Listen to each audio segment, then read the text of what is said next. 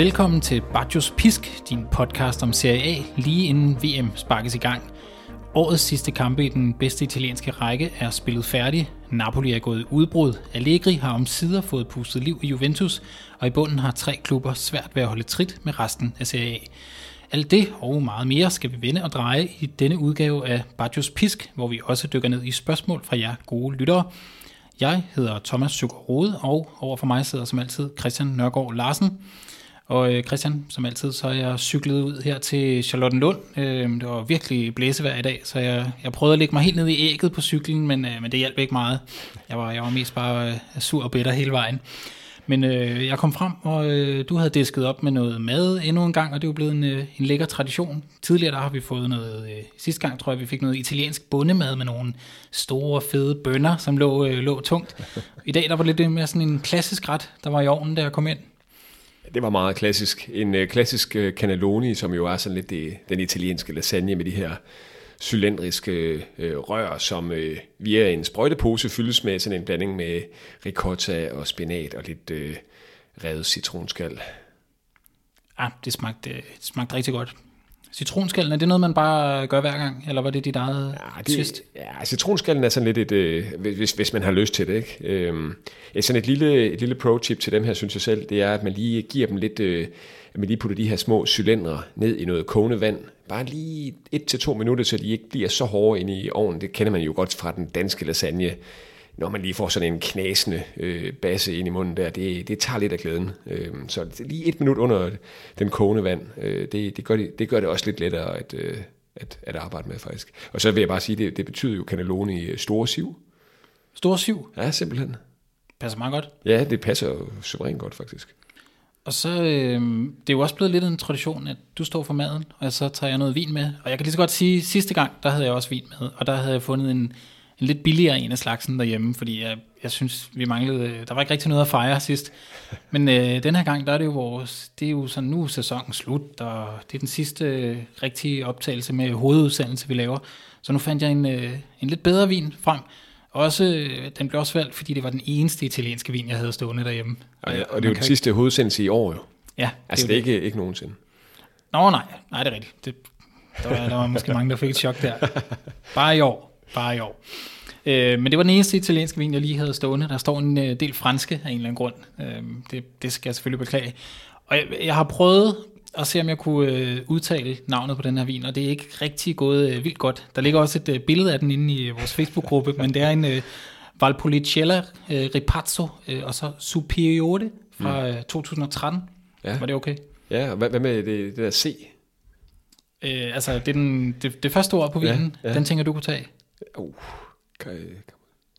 Campo, Campo Torbian. Det lyder meget fint. Det lyder faktisk mere, mere spansk end italiensk. Men, uh... Og så der er jo rigtig mange, der tænder for den her podcast for at høre noget om CA. Øhm, men nu har jeg simpelthen lige valgt at, øh, at, at gå lidt vinvejen her, for at, for at fortælle lidt om, øh, okay. øh, om ripazzoen. Øh, det er fordi, jeg har jo, øh, det er der rigtig mange, der har, jeg ved meget lidt om vin, men men så har jeg Vivino-appen og, og nettet til at hjælpe mig. Øhm, og der, der var jeg inde og se, at den havde vundet øh, Vivinos øh, 2020 øh, Wine Style Awards. Øh, jeg ved ikke, om det er godt eller skidt, men det, det kan jo ikke være helt dårligt, vel? og så går jeg ind, efter jeg har fundet ud af det, så tænker jeg, jeg skal vide mere. Så går jeg ind på Supervin, der er øh, det er Jyllands største vinforhandler, for at læse lidt mere om, øh, om Ripazzo. Hvad, hvad kan den? Og, og så har jeg så fundet ud af, at det er en øh, meget populær øh, rødvinstype, der kommer fra øh, Valpolicella, der ligger lidt øst for Gardasøen. Det, det samme sted vi kender at vide, der hvor man finder Amarone-vinene, de lidt mere kendte vine. De første Ripazzoer, de kom på markedet i starten af 80'erne, og det blev en, skriver Supervin, Jyllands største vinhandler, en gigantisk succes de følgende årtier. Faktisk fra, øh, fra 07 til 13, der steg produktionen af den her vin fra 7,5 til 25 millioner flasker. Øhm, årsagen, mener man, øh, det skyldes ikke mindst, at øh, Ripazzo er meget billigere end Amarone, men smagen hos de sådan, gode producenter, den kan nærme sig den her dyre storebror. Og så selve navnet Ripazzo, det er en øh, reference til den måde, som man producerer vinen på. Den er, øh, det er den oprindelige øh, Valpolicella øh, vin, der pumpes over druekvaset fra Amarone-produktionen. Ja. Altså en, det er noget, man kalder en, øh, en genpassering. Rud, jeg vidste ikke, du vidste øh, så meget om øh, vin, faktisk. Øh, nej, det gør, jeg, det gør jeg faktisk heller ikke. og så, så siger man om øh, generelt, at de har en, en stor fylde og let sødmefuld øh, frugtsmag, med især mørke kirsebær, blommer og brumbær. Øhm, og så alt efter, hvor meget fadlæring vinen har fået, så, øhm, så kan man også smage et strejf af vanilje, tobak, mørk chokolade, lakrids og urter. Øh, jeg så også en inde på øh, Vivino, som mente, at øh, der var lidt noter af hvidløg, ost og tyttebær lige mm. i den her 2013-version. Ja, men jeg synes godt, der er lidt... Øh, er, det, er, det en, øh, er det en lillebrorost? Ah, det er, jeg vil sige, øh, det kan være, at vi lige skal prøve. Jeg, jeg, Ja, skål. Jeg synes, øh, skål. Tyttebær, det kunne vi godt nå frem til, kunne vi ikke? Jo. Det er, det er noget tyttebær, ikke? Altså, jeg, jeg er heller ikke specielt øh, dygtig til at smage. Kan Men godt enige om, der ikke er noget hvidløg og ost i. Nej. Jo, det er der ikke. Altså, der er måske noget tyttebær. Det kan jeg godt, måske. Ja, men en, en, en mørk basse af en vin. Fuldstændig umuligt at se igennem. Som vi sagde, okseblod og, Okseblod. Ja. og solbær. Det smager faktisk rigtig godt. Ja, den er god. Nå, det var en lille detur. Dem øh, har vi det med at tage en gang imellem, Christian. Øh, vi har jo også et øh, program i dag, og øh, måske så kan du lige fortælle de gode lyttere, hvad der er på øh, programmet i dag. Naturligvis. Vi, øh, jamen altså, vi zoomer jo sådan lidt vanen tro ind på sådan de, øh, de, de store fortællinger i CA siden øh, sidst. Og i dag, Thomas, der har vi jo øh, hver især medbragt øh, tre narrativer. Og vi aner, øh, vi aner ikke, hvad vi hver især har taget, øh, taget med, men lurer mig, om der ikke også er en øh, genganger. Øh, og efter de her narrativer her, der besvarer vi nogle af de her mange lytterspørgsmål, der er tikket ind i Bajos Pisk-gruppen. Det er altid noget, jeg personligt glæder mig rigtig meget til. Øh, og måske også fordi der er så mange historieinteresserede blandt jer gode øh, lyttere. Jeg kan i hvert fald afsløre allerede nu her, at vi skal frekventere en af de mest vindende italienske klubber nogensinde, som hverken er Inter, Milan, Juventus eller Genua for den sags skyld. Og så skal vi selvfølgelig også til de øh, faste elementer, hvor, det, øh, ja, hvor vi har en øh, lidt usædvanlig anbefaling, som jeg glæder mig rigtig meget til at, ja, nu kan jeg jo så sige det, se. Øhm, ja, hvad har vi ellers, Thomas? Mangler jeg noget? Nej, jeg tror, du nåede noget meget godt omkring. Der er spillet 15 kampe af sæsonen. Det er blevet tid til den her lidt skøre VM-pause, øh, fordi VM i Katar nu står for døren. Og som du lige har fortalt, Christian, så har vi jo aftalt, at vi ligesom skulle have diskuteret og tale om de store narrativer for sæsonen forløbig den her halvsæson, der er spillet. Hvad står tilbage? Hvem har skilt sig ud på godt og ondt? Kort sagt sådan lidt af hvert. Øhm, og som du også fik fortalt, så har vi jo ikke rigtig øh, forberedt andet, end at vi har forberedt noget hver, og vi ved ikke rigtig, hvad, hvad vi kommer ind med. Øhm, men jeg tænker, du har siddet øh, i går, måske også lidt i, i dag på arbejdet. Det ved jeg ikke, om du kunne afsløre, hvis der er nogen fra dit arbejde, der, der lytter med. Jeg kunne aldrig finde på at, at lave bare pisk i min arbejdstid, jo. Okay. Jeg, jeg sad hjemme i går aftes i sofaen og, og grublede øh, og over, hvad man, hvor man skulle tage med. Men øh, jeg er spændt på at høre, hvad, hvad du, når du ser tilbage på sæsonen, hvad har fyldt noget for dig? Ja, altså, altså meningen lidt. Jeg tænker jo også, jeg, jeg måske taget lidt udgangspunkt sådan i de store fortællinger siden sidste gang, vi, vi optog. Det må jeg være ærlig, ærlig at indrømme. Øh, ja, mås- måske har du gabt, eller måske har du taget hele sæsonen indtil nu her. Ja, jeg har kigget lidt øh, bredere. Ja, så, så man kan sige, det, det har vi allerede en lille, sådan, en lille forskel. Jeg, jeg tror, mine er lidt mere baseret på de sidste par, par uger her, sådan måske halvanden måneds tid. Er, det, øh, er der en af os, der har misforstået øh, opgaven? Ja, det er os. Det, os. det, det tager mig tilbage til min gamle øh, samfundsfags øh, eksamen i gymnasiet, hvor der var øh, man, man, seks sider, man skulle besvare, og så lige da vi skulle til at aflevere, så opdager jeg, at der også er en syvende side, og jeg, og jeg ender med at få en rigtig dårlig karakter. Jeg, var- jeg følte mig aldrig rigtig på den grønne gren, da jeg afleverede. Ja, uanset hvad, så kan man sige, når Thomas han kommer med sine anbefalinger, så er det lidt mere over den, den, hvad kan man sige, den her sæson indtil nu, og mens jeg måske er gået lidt mere ind på øh, sådan de sidste par, par uger her. Det er jo en perfekt blanding. Men øh, skal ja. Du ikke bare sige, at du ligger for land? Jo, det vil jeg da gerne. Altså siden sidste gang, noget af det, jeg har noteret mig, det er, og jeg tror måske også, du har den her Juventus, øh, som den her fugl Phoenix, bare lige for at komme op på den øh, mytologiske klinge, fuglen, der brændte sig selv øh, i sin rede, hvorefter den genopstod fra sin egen aske og rejste sig højt på himlen. Flot. Øh, det, er, det store. Øh, ildfuglen fra Torino har vundet seks ligekampe i træk.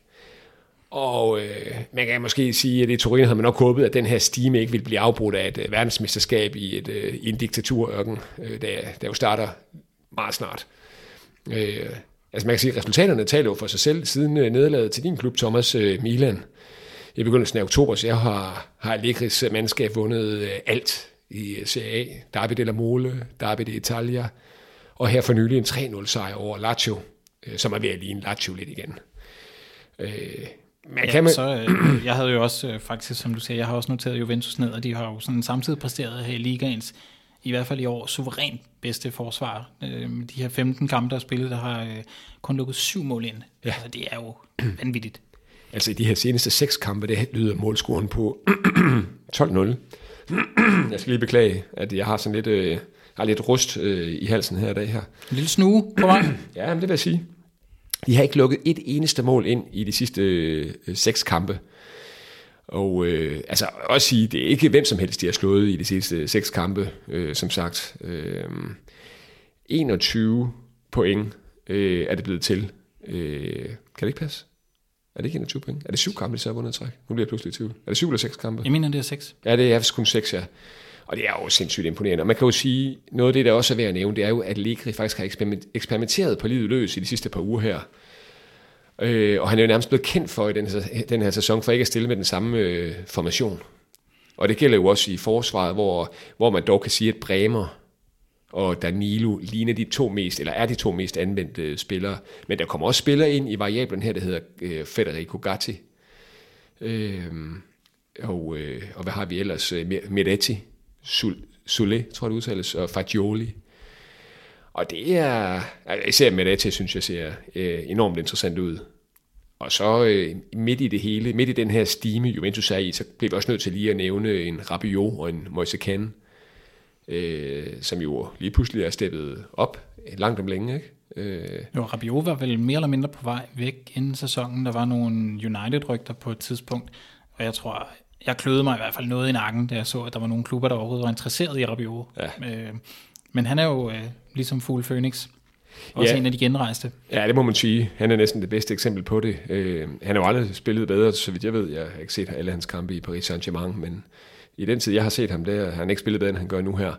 Men jeg vil gerne beholde min, øh, min skepsis, når det kommer til øh, Adrian Rabiot. Øh, især når man sammenholder det med hans ekstremt store løn, øh, og fastholder det med hans samlede impact i øh, Juventus-tiden. Altså, hvis jeg var Juventus, så ville jeg stadig kraftigt overveje at, at skyde ham af, hvis den mulighed den overhovedet skulle, skulle opstå. Og så bare som det sidste, øh, i mit ene af tre punkter, øh, det er jo, at øh, Chiesa, han er tilbage nu, leveret en assist i øh, den seneste sejr her. Dejligt at se ham tilbage. Og så tyder det jo på, at øh, Paul Pogba, han øh, kunne blive den her øh, jan, i en januar-signing øh, efter det her skadeselvet. Men det er lidt vildt at tænke på. Det er ikke, øh, nu kan jeg huske, at vi kommer jo til det, vores evige vedemål senere i, i programmet. Og sidste gang, der ved vi om, om Juve overhovedet ville slutte i top 4. Og det, jeg tror, at vi var begge to enige om, at det, det troede vi egentlig ikke, de ville. Det var bare ham, der fik lov til at vælge først. Det var dig, der mente, at, øh, at de ville ikke slutte i top 4, når vi, når vi skulle optage igen i dag. Og det er jo bare det er jo en vild genrejsning, Allegri har gang i. Og han var jo vel ikke engang, øh, jeg tror de fleste regnede med, at hvis at han ville blive fyret, og hvis han ikke fik så stor en, havde så stor en kontrakt, som han har, så sad han jo heller ikke på trænerbænken i Juventus lige nu. Nej, præcis, og det er jo også i lyset af, at øh, Vlaovic nu her også har været, været skadet, og at øh, Milik og, og netop, øh, øh som vi var inde på, Moise Ken har været inde at tage over, og der bliver stillet med så mange variabler på det hold der i øjeblikket. Særligt forsvaret, det er jo, det er jo nøglen til, til mange succeser og triumfer det er, det er med Bremer og Danilo. Danilo måske en af de mest øh, undervurderede spillere, jeg, jeg kan komme i tanke om, lige øh, som vi sad her med et glas øh, rødvin, Thomas. Han er også meget udskilt.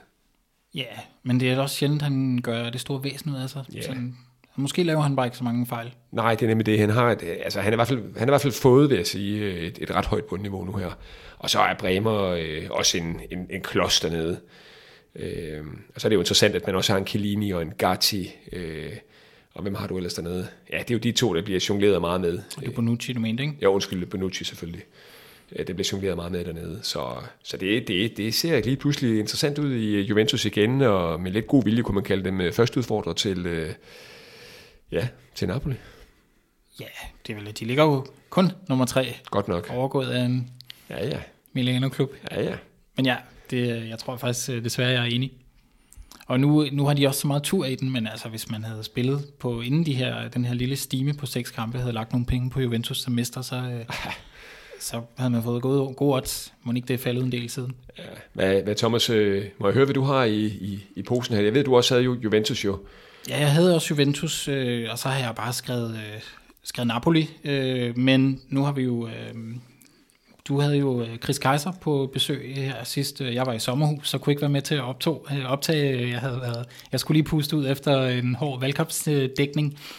Øhm, du havde Chris Kaiser inden, og vi havde en hel podcast special om Napoli, så det er næsten øh, overflødigt at dykke ned i det. Men altså, hvis man gerne vil høre mere om, om Napoli og, øh, og, og hvordan klubben, eller hvorfor klubben præsterer, som den gør, så vil jeg helt klart anbefale, at man lytter til den seneste udsendelse af Bajos Pisk, øh, også selvom den uden mig, det er lidt hårdt at anbefale på den måde. Men øh, den er det hele værd, det var også den første podcast, øh, hvor vi havde øh, debut til vores nye intro-jingle. Ja, det er rigtigt. Som, øh, som I kunne høre her tidligere i programmet. Jeg må bare sige, at jeg er stadig meget vild med den. Jamen, jeg kunne godt se, at du øh, sad med et lille øh, smil på, da vi satte den på. Det var, det var godt at se. Ej, den er god. Men jeg kan sige, jeg kan så springe ud over Napoli til en anden ting, jeg havde noteret mig. Og øhm, det kan man sige, nu, nu jeg har måske kigget mere på hele sæsonen, men man kunne også godt sige, at det her punkt har, har noget med med bare på den seneste tid at gøre, men jeg har i hvert fald skrevet Milans fejlagtige indkøb, mm. fordi i, øh, i sidste år, mesterskabssæsonen for Milano, eller for Milan, der var jo øh, kæmpe, kæmpe stor ros til den her treenighed i Milan. Øh, den tekniske direktør Paolo Maldini, sportsdirektør Masada og, og chefscout øh, Moncada. Øhm, og de, de blev øh, rost alle vegne for at finde øh, Kalily og få købt Tomori i Chelsea, og Manjang-købet, hvor man erstattede Donnarumma og virkelig virkeligheden ikke gik ned i kvalitet, men op i kvalitet øh, Tonali, der lige pludselig blomstrede, Theo Hernandez, som havde lagt sin sådan barnlige måde at, at opføre sig på, i, som han havde i Real Madrid, øh, fra sig, og lige pludselig også var anfører i Milan. Altså, der, var, der var nærmest ikke øh, de roser, man ikke kunne sætte på de tre. Og man kan sige, indtil videre, øh, og nu havde øh, Gazzetto dello Sport øh, også forleden en, en artikel, der satte øh, fokus på det her, så har Milan øh, det her, det træenigheden i virkeligheden ikke ramt nærmest en eneste øh, spiller i år, som, øh, som man kan altså, som er værd at tale om. Der, øh, og, og avisen sagde også, at, at man kunne tale, at uh, Milans, tale om, at uh, Milans uh, transferkampagne, eller hvad man kalder transferkampagne, var et, uh, et flop. Altså man har hentet De Ketelaar rigtig, rigtig dyrt i Belgien. Origi, uh, Yassin Atli, Astor Vranks, uh, Malik Chao, uh, Sajid Dest. Og der er vel ikke én af de spillere, som man for alvor kan sige endnu har slået igennem. Så er det jo sådan spørgsmålet, om de kan, kan lave en tonali, kan man måske kalde den, og næste år vise sig at være, være gode signings, men indtil videre er det næsten øh, samtlige, øh, samtlige spillere er vel mere eller mindre fejlskud. Ja, det er ret interessant. Øh, sådan en som Atli var jo ret glimrende i øh, preseason-kampene, øh, og jeg, jeg er overrasket over, at han ikke har spillet en større rolle, men jeg må også sige, at de kampe, han har været inde, har han været øh, absolut ringe. Øh, jeg har fået én kamp fra start. Ja. Hvor han blev pillet ud forholdsvis tidligt i kampen. Ja. Og De Ketelaar blev jo virkelig, virkelig brugt meget i starten. Man kan sige, at Pioli havde stor tiltro til ham, og han havde jo også den her store, store transferpris. Det er næsten ham, der har sådan en ene mand stået for hele den samlede Milans transferbudget. Øhm, han gled lidt så stille ud af kampene, og nu starter han jo ude, og her senest mener jeg slet ikke, han kom på banen. Der kom øh, Astrid Franks ind i stedet for. Ja. Så altså, der skal virkelig til at ske noget. Jeg vil også sige, Maldini har været ude og sige, det er jo en spiller, man har signet ikke for fem måneder, men for fem år. Ja. Og det kan godt berolige måske den unge belgier, men han ser ikke øh, klar ud, når han er på banen. Det er virkelig, virkelig skuffende, og jeg, jeg havde ikke glædet mig. Jeg sendte, øh, kunne han kom på banen, så, så, så tog jeg screenshots af skærmen og sendte til, til nogle Milan-venner og var helt op at køre. Ja. Det, det, er, det er jeg ikke i øjeblikket, når han kommer ind. Nej, altså han... Øh jeg tror, det kunne være godt for, det er så let at være bagklog jo fra Charles de Ketelart, at, at han havde vokset lidt i skyggen af en anden stor tier eller højre midtbanespiller. Og det er han ikke rigtigt. Jeg synes måske, øh, at han er blevet kastet i ilden lige tidligt nok. Øh, som Aldine selv siger, så er han jo en øh, langsigtet investering. Og det var det som om, at øh, han kom simpelthen for hurtigt i, i ilden. Øh, den her tunge arv, øh, det, her, det, det her med at spille for Milan, den her storslåede klub øh, historisk set, det er bare noget, det er, det er et pres. Øh, man skal have et, et, et meget modnet mindset, tror jeg, for at kunne træde så hurtigt ind, som øh, man nu kastede ham ind, i Charles de Kettler, i, i, i den her, som sagt.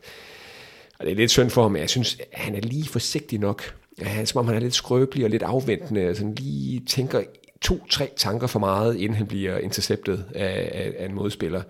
Og øh, det er lidt synd, og så har man jo så i hans fald øh, set en Dias øh, øh, med absolut pil opad. Ja. Og øh, i hvert fald her for et par uger siden, synes jeg, han havde en stime på en 3-4-5 kampe, hvor han øh, jo nærmest var kampens øh, bedste spiller. Mm, øh, kamp, kamp efter kamp, ikke? Og så, men altså, jeg har det også sådan lidt i det store billede, og nu er det jo de store narrativer. Så har jeg det så lidt, du sagde det jo selv med Tonali, det tog en sæson øh, med ham, og med Leao måske næsten halvanden sæson, ikke? Og nu er de, hvor de er øh, på, på absolut øverste hylde begge to. Så jeg vil sige, jeg er, ikke, jeg er bestemt ikke forhavet Charles de Kettelarte øh, endnu her, men, men jeg må nok også sige, at det har været en øh, svag øh, indledning. Jeg tror også, hvis man søger agtindsigt i vores øh, tråd, messenger-tråd, din og min, så vil man nok godt kunne finde en gammel besked, hvor jeg har skrevet, at Leao, han skulle smides på porten øh, for nogle sæsoner siden, der, der, jeg kunne simpelthen ikke se, hvordan det nogensinde skulle blive godt med ham. Nej. Så det er selvfølgelig tidligt at sige, men det er bare samtidig lidt tankevækkende, at, øh, at Milan ikke har fået en eneste af de nye spillere til rigtig at fungere. Ja, det er det, er det faktisk. Og nu, øh, det var, ja, nu fik jeg nærmest skudt alle mine øh, punkter på listen af, så, så nu er vi tilbage ved dig, Christian. Ja, jeg var inde i mit punkt nummer to, er sådan lidt usædvanligt, kan man sige. Jeg var inde sådan, at lave sådan lidt en, øh, en, hvad kan man sige, en vinterstatus. Øh, og normalt så taler vi jo ikke så meget om det her overpræsteret, underpræsteret. Men jeg kunne ikke lade være med lige at gå ind og kigge lidt øh, nu her, når vi rammer vinterpausen i CA.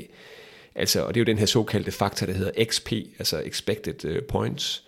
Og øh, der ligger et hav af variabler til grund for, hvor mange point et hold burde have i ligaen. Øh, de åbne 100% chancer er selvfølgelig en af de helt væsentlige. Øh, og her er der altså et par interessante små observationer, jeg, jeg lige vil tone frem her.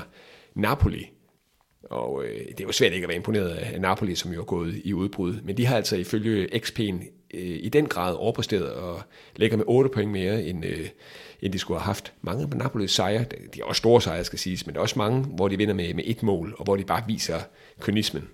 Øh, og de burde faktisk, hvis man følger den her XP-tabel, ligge nærmest side om side med Roma og Inter på, på tredjepladsen.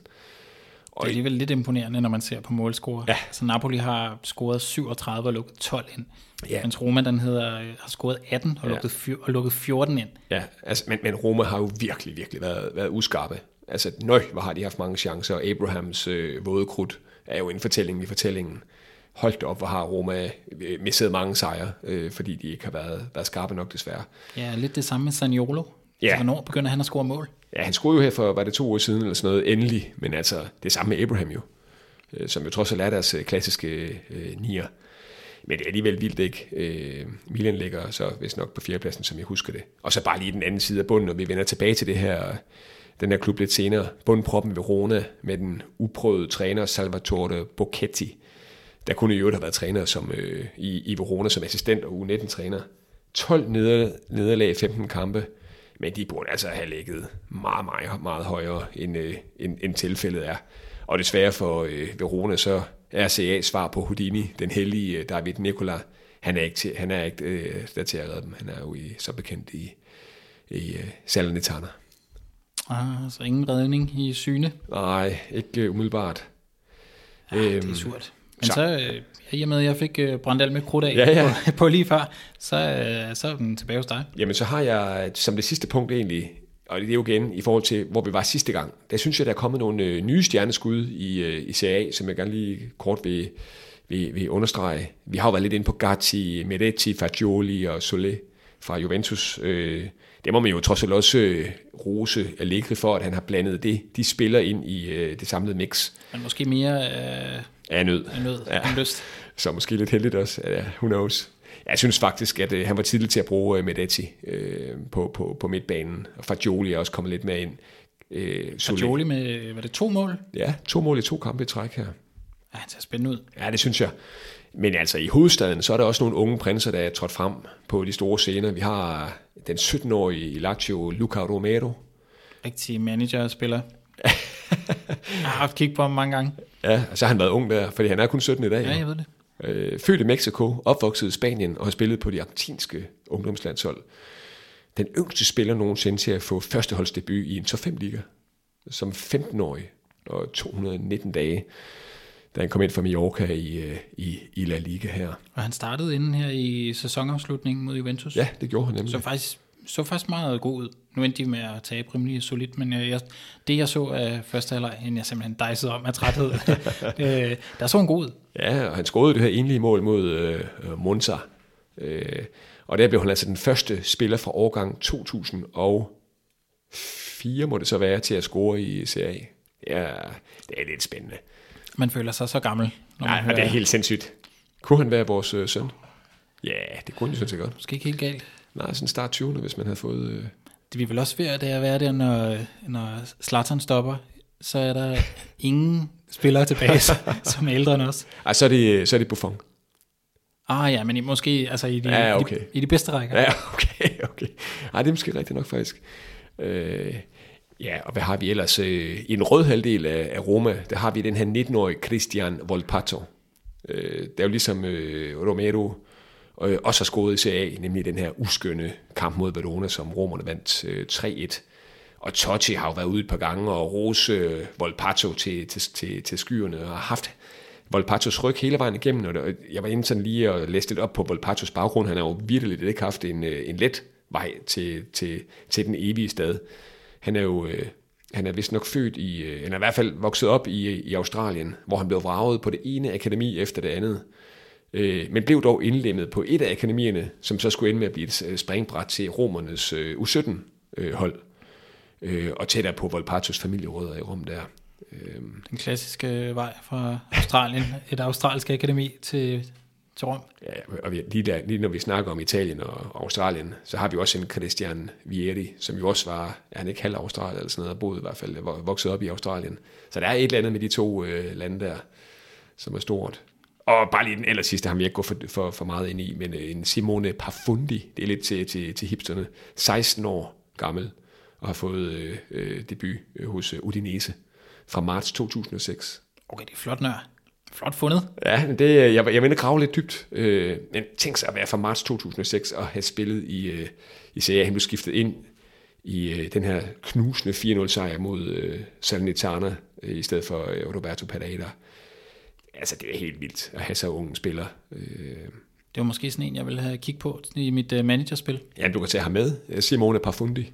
Jeg har jo en, øh, en strategi om at kun at, at købe 16-årige. Og så får de lige nogle år på akademiet og nogle udlån til venskabsklubber, inden de bliver indlemmet. Og så lige måske en lejeaftale til, øh, hvad, hvad har vi, Frosinone eller Bardi eller sådan noget. Ja, jeg rigtig godt lide at låne spillere ud. Ja, men det kunne, kunne, kunne jeg godt forestille mig. Helt anholdet, bare fyldt med spillere, der er lånt ud.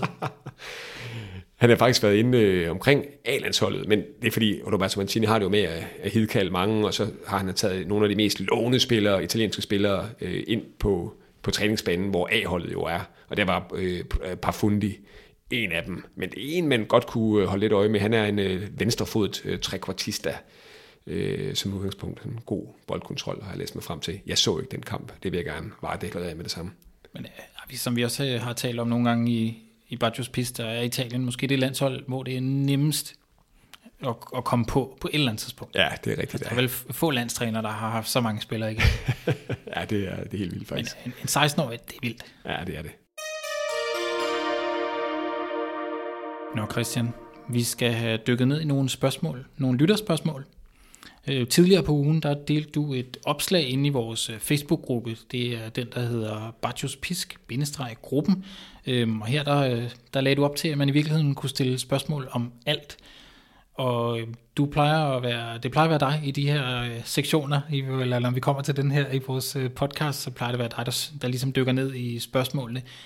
Jeg har kun øh, nået lige at skimme dem i dag, mens jeg var på arbejde, og jeg havde forfærdeligt travlt. Så jeg, jeg bemærkede bare det, når der var mange svære spørgsmål, og jeg var meget glad for, at det var dig, der sad og, og kiggede på det. Det var nogle meget svære spørgsmål. Øh, lad os, jeg kan kun nå nogle af dem. Der kom rigtig mange ind, og rigtig mange tak for, for alle de gode spørgsmål her. Øh, lad os tage et par stykker her, som vi lige kan nå. Øh, Søren, øh, øh Søren Kjær her, han spørger, øh, hvad hedder det, hvad blev der af Pro Bacelli og øh, det, er jo, øh, det er jo et spørgsmål til de historieinteresserede. Øh, jeg skal lige hurtigt øh, rose Hakær for at have inviteret flere, øh, altså, for ikke at sige adskillige, øh, ind i Bajos gruppen på, på Facebook.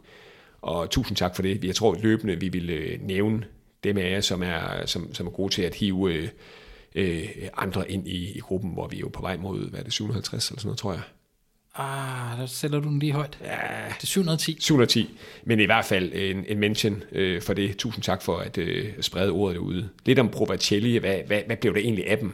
En meget lang historie kort, øh, fordi der er meget at sige om Provacelli, øh, som jo ligger i Piemonte, kaldt hvidskjorterne eller, eller løverne, øh, er nummer 5 på den historiske liste over Scudetti.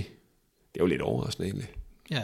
Altså øh, syv i alt er der blevet til. Øh, kun overgået af ja, de tre klassiske og så Genoa. Øh, det sidste mesterskab, det er altså et par dage siden. Det er faktisk 100 år siden, helt præcist. 1922. Øh, men de var stærke i, øh, ja, inden øh, og efter Første Verdenskrig. Og Probacelli eksisterer som øh, skamskadet stadigvæk. Øh, de har et stadion med plads til lidt over 5.000 tilskuere. Et stadion, der bærer det storladende navn Silvio Piola, efter en af de aller, allerstørste italienske fodboldspillere nogensinde der spillede på samme øh, landshold som øh, Miazza, øh, Giuseppe Miazza, var med til at vinde de to VM i 38. Og, og ja, hvad skal vi ellers sige her? Hvorfor forsvandt, det var lidt det, der ligger i spørgsmålet, hvorfor forsvandt Provacelli egentlig? De spiller jo i dag til C, gruppe A, tabte i weekenden til Juventus' U23-hold, og ligger lige nu lige over nedrykning. Men det er meget historie, lang historie kort, så øh, efter de her store år, både før og efter verdenskrigen, så, øh, så skete der jo det, at, øh, at øh, den italienske Nord- og Sydliga blev slået sammen øh, under øh, det fascistiske styre, og så fik man Serie A øh, i slutningen af 20'erne, og professionalismen den kom gradvist ind i italiensk øh, fodbold. Og det var en udvikling, som Provacelli aldrig rigtig øh, øh, formåede at blive en del af. Øh, så der beholdt man amatørfodbolden i noget længere tid, og det betød sådan set bare så enkelt, at man øh, langsomt gled, øh, gled ned i rækkerne.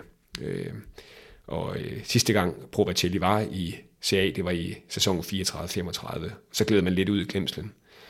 De kom faktisk op i CAB øh, øh, for ikke så mange år siden, men øh, gled, gled hurtigt væk igen. Så det var lidt historien om de store dage for 100 år siden, øh, og at man aldrig rigtig kom ombord op i øh, professionalismen. Det har man jo set flere klubber øh, altså, lide, ja, lide den samme skæbne af samme årsag. Kan jeg vide, om Chris Kaiser har været inde og se dem?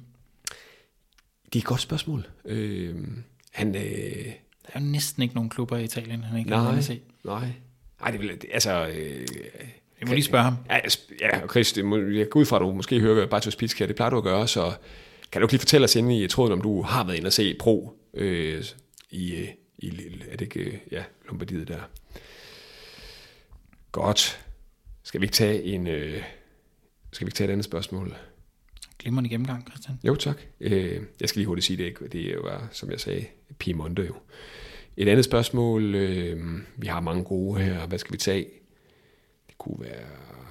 Altså, altså Jesper Kirk, han stiller en, et, han, han har et maskine, han har en salve af gode spørgsmål. Og øh, jeg tillader mig kun at tage et af dem. Hvem blev Baggio opkaldt efter? Altså jeg tænkte bare, at det var så tæt på vores, øh, altså vores, vores åndelige fader, ikke? Jo, det må man sige. Og problemet er lidt, at det er et mega svært spørgsmål. Men jeg vil prøve at nærme mig det lidt. Jeg glæder mig til at lytte med. det kan være, jeg nopper lige noget af den, øh, den gode vin her. Ja, men øh, så vil jeg også lige tage en hurtig slurk, fordi øh, ja, det kræver lidt en, det kræver lidt fortælling, det her. Mm. Den har åbnet sig lidt, eller hvad? Det læste jeg en af dem, der skrev inde på Vivino, at den havde godt af. Den lige, du ved, den det er der mange vine, der skal. Ildet godt. Ja. Altså, Baggio er ikke et øh, unikt navn i Italien for det første. Jeg ved, det, det svarer ikke til at hedde øh, Larsen, eller øh, hvad det nu skulle være, men det er, det er ikke et helt, øh, hvad hedder det, øh, ukendt navn. Altså, det, den første, man tænker på, er jo Roberto Baggio selvfølgelig, og så kommer jo den falske Baggio, Dino Baggio. Øhm, stor i Parma, ikke? Stor i Parma. Og en enormt flot fyr. Det har jeg hørt øh, flere sige. Nå? Ja. Ja, du har måske glemt det. Ja, jeg kan godt se, du, du, du, du taster på livet løs nu her. Jeg er i gang med at google ham. Ja, men du skal lige finde det rigtige... Øh... Kan du se det? Ja, okay. Altså, Dino, da han stod skarpest, det var, det var voldsomt. Ja, okay. På det se, det han også været i Blackburn. Det er ingen Google-søgning, man er ked af. Godt fyr, faktisk. Ja. Og så, jeg ved, med, nu skal jeg jo ikke hele tiden fortælle om managerspil, men jeg ved, jeg har haft ham rigtig meget i manager tidligere. Der var, jeg var ikke klar over, var, hvordan han så ud. Og så skal jeg bare lige hurtigt sige, de er ikke, de er ikke familie sammen, Dino og Roberto. Men han er til gengæld familie med Eddie, med Eddie Baggio. Det er sådan en, man lige har glemt lidt. Han, øh, han, han, han var en stjerne i CAB. Øh, spillet for store klubber som øh, Ascoli, Catania, Catania og Pisa, lillebror til, øh, til Roberto. Og så er der også en øh, tidligere øh, kardinal, øh, der hedder Sebastiano Baggio. Bare for at sige, det er ikke noget sådan, det er ikke så usædvanligt, der er navnet heller ikke. Øh, ja, jeg tror måske, var det ikke øh, sådan lige umiddelbart det, jeg kunne, kunne sige om, om det navn. Det er ikke, det er ikke fordi han sådan øh, skiller sig helt ud med, med det navn der. Det er et navn, som, øh, som kommer fra, øh, øh hvad hedder det, ja, fra Milano-området oprindeligt, har jeg kunne læse mig frem til. Baggio kommer fra øh, Bacci, som, øh, ja, det er sgu ikke engang løgn, Thomas. Øh, det er, ja, og det er også et navn, man nummer kan finde i øh, Tyskland nogle steder, øh, og i øh, Storbritannien for det skal være løgn, særligt i de keltiske områder. Ja. Så det er, det er et øh, internationalt navn, åbenbart. Han havde alligevel Eddie Baggio, som jeg lige har googlet, lidt af en sæson for uh, Ascoli, Ascoli ja. øh, i 99-2000. 22 mål, 27 kampe. Nej. Det var godt gået. Altså, hvem, hvem skriver bogen om uh, Eddie? Formentlig ingen.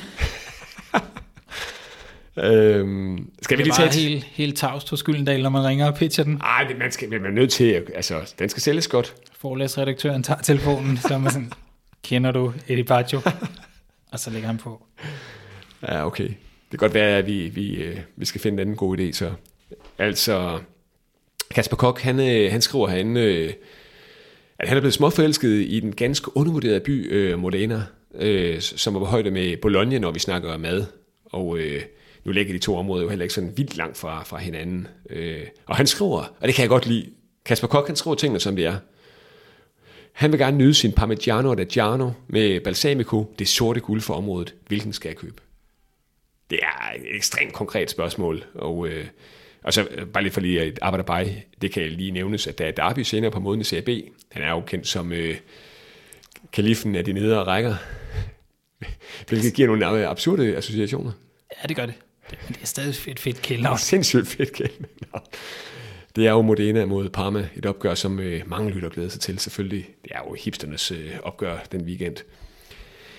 Jamen, øh, altså, det er, det, det, altså det her spørgsmål her gav mig noget hovedbrud. Og øh, hvad hedder det? Øh, lad os lige hurtigt slå en ting fast. Hvad er det, der gør balsamico-eddike fra Modena så specielt? Og det er, at de er lavet på nogle andre druer end de gængse øh, øh, bals, øh, balsamico-eddikeer, det er åbenbart nogle Trebbiano og Lambrusco druer.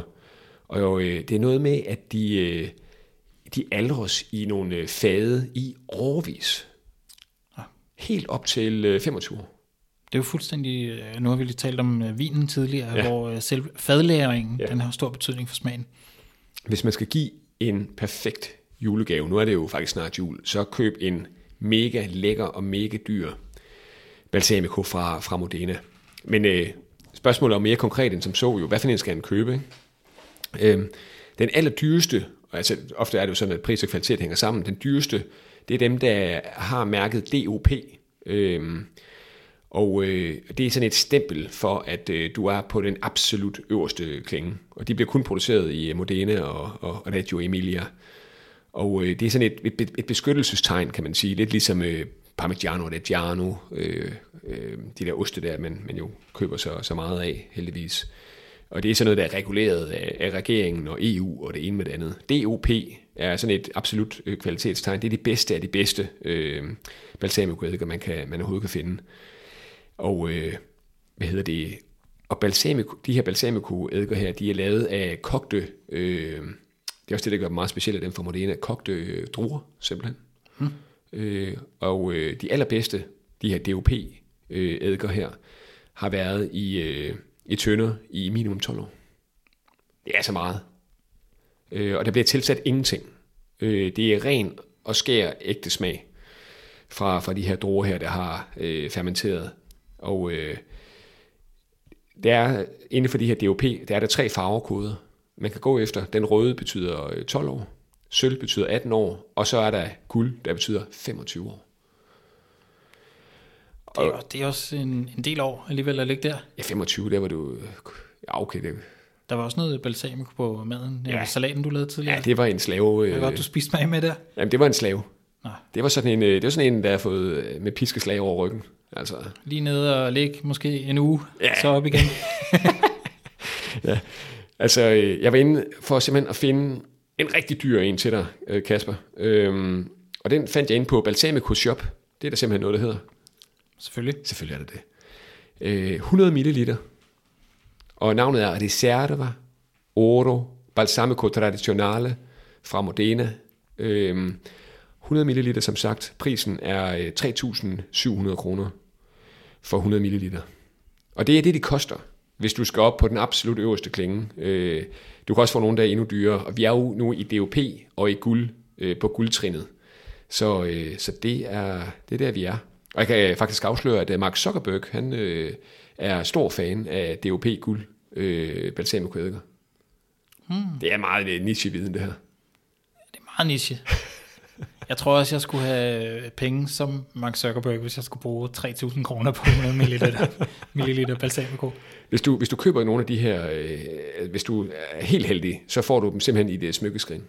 Så smukke er de. Altså, du, det er en kunstgenstand, du får øh, med porcelæn og øh, små øh, ornamenter og det ene med det andet. Det er, det er kunst. Mm. Så, en pose med et par øh, kviste og en kanelstang og sådan noget.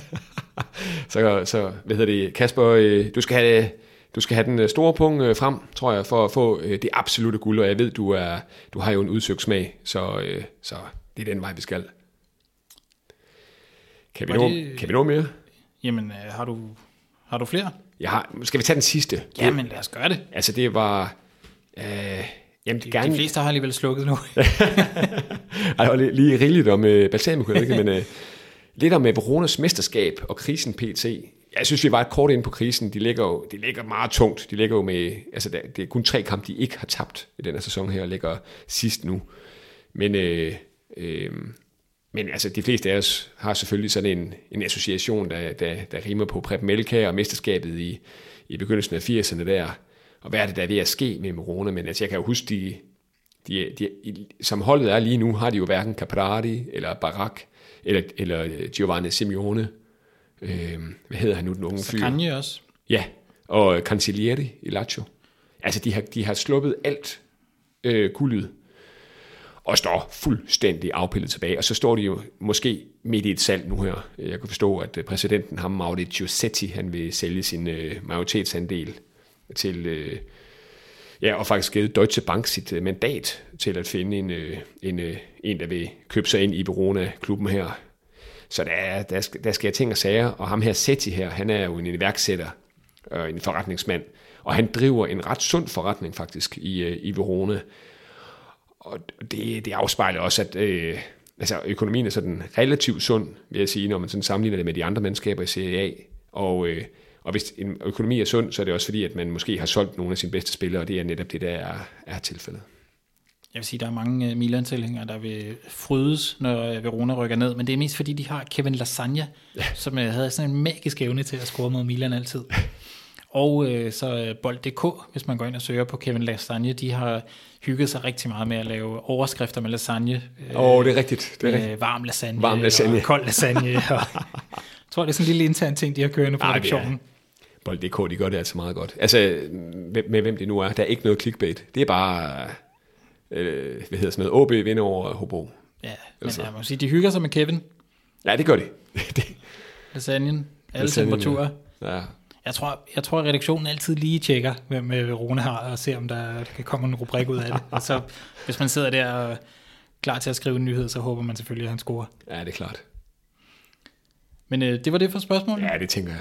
Jeg vil sige, du har godt arbejde, Christian. Jamen, tak. Det var en fornøjelse at lytte med. Vi er næsten nået til vejs ende i denne sæson. Jeg er ikke midtvejs sæsonafslutning på øh, Bajos Pisk, men der er selvfølgelig ingen Bajos Pisk uden de faste elementer. Øh, så vi skal have en øh, anbefaling fundet frem. Vi skal have lavet en Bajos Pisk koring, og så er der også nyt og øh, måske skæbnesvangert nyt om øh, det traditionelle vedemål, der også plejer at være en del af, af de afsluttende bemærkninger her til sidst. Hvis I kan høre noget i baggrunden, så er det bare Christian, der sidder og, og hælder vin op. Og har glemt alt om, at vi sidder og laver podcast. Hvor er vi? Vi er hjemme hos dig. der er heller ikke så meget tilbage i flasken. Men jeg, jeg ved, at du har fundet en anbefaling frem. Ja, må vi ikke lige starte med et lille lydklip her, så Oh, kan vi lige få en uh, slurk. The world has changed. I want the world to never forget my name. Our name. Signor Ferrari, in my opinion, you make the best cars in the world. But with all my Ferraris, there is a problem. The clutch. I have a solution. If you consider a partnership, Ferrari, Lamborghini. Go back to your tractors, farmer.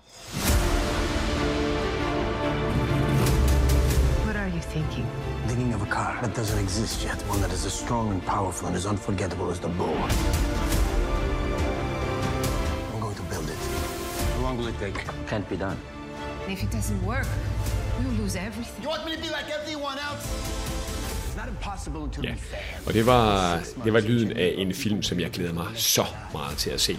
Den hedder Lamborghini The Man, The, the Man, The Man Behind the Legend. Og det er, altså, det er jo lidt til, til drengerøvne måske, men øh, det er en øh, dybere historie gemt, øh, så, så vidt jeg har forstået. Den er jo et premiere her om et øh, par dage. Øh, og øh, det er livet, altså det er Ferruccio Lamborghini, grundlæggeren af Lamborghini, hans øh, liv og hans, øh, hvad kan man sige, opgør med, øh, ja, med, med luksussegment, øh, øh, segmentet, øh, når det kommer til biler i Italien, som selvfølgelig var, var, var Ferrari, og stadig er det sådan set.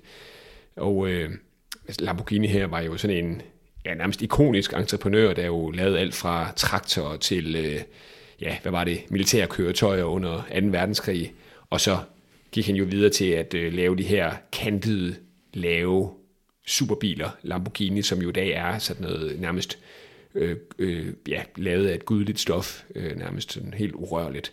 Jeg kan jo fortælle bare som sådan en lille ting, øh, at øh, Antonio Banderas og Alec Baldwin var, øh, var med i castet til øh, Lamborghini-filmen her.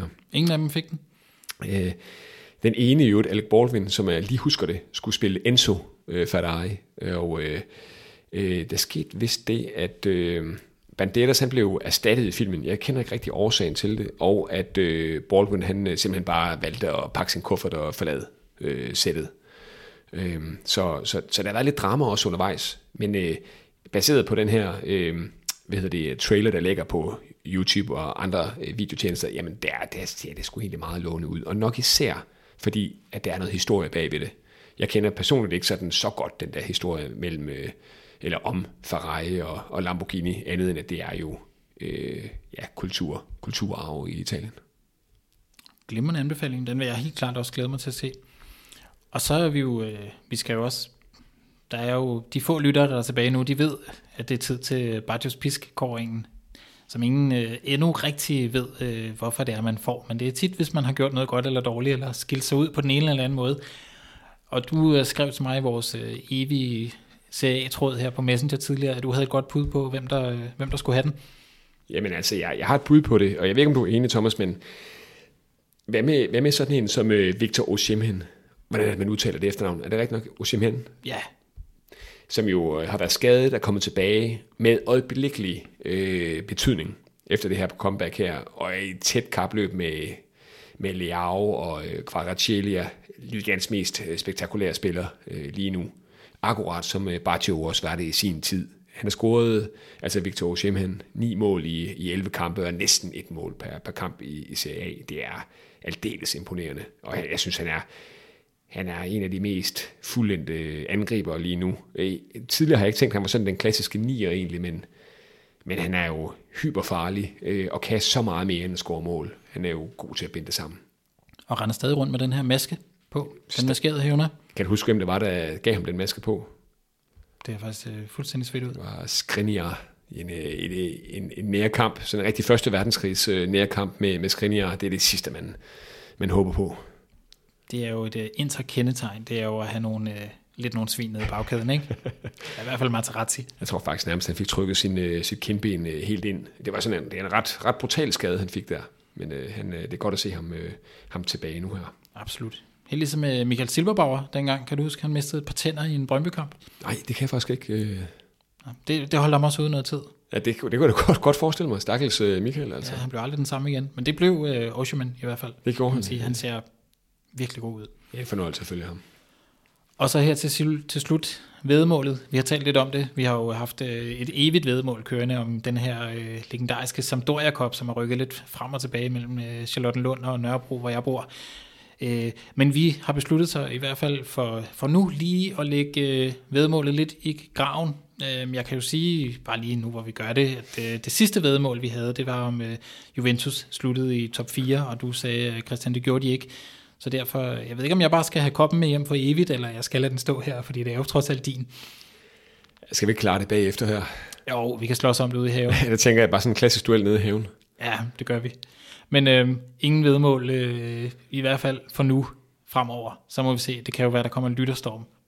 Hvis ja. der er mere end fem, der skriver, så kan vi overveje at tage det op igen.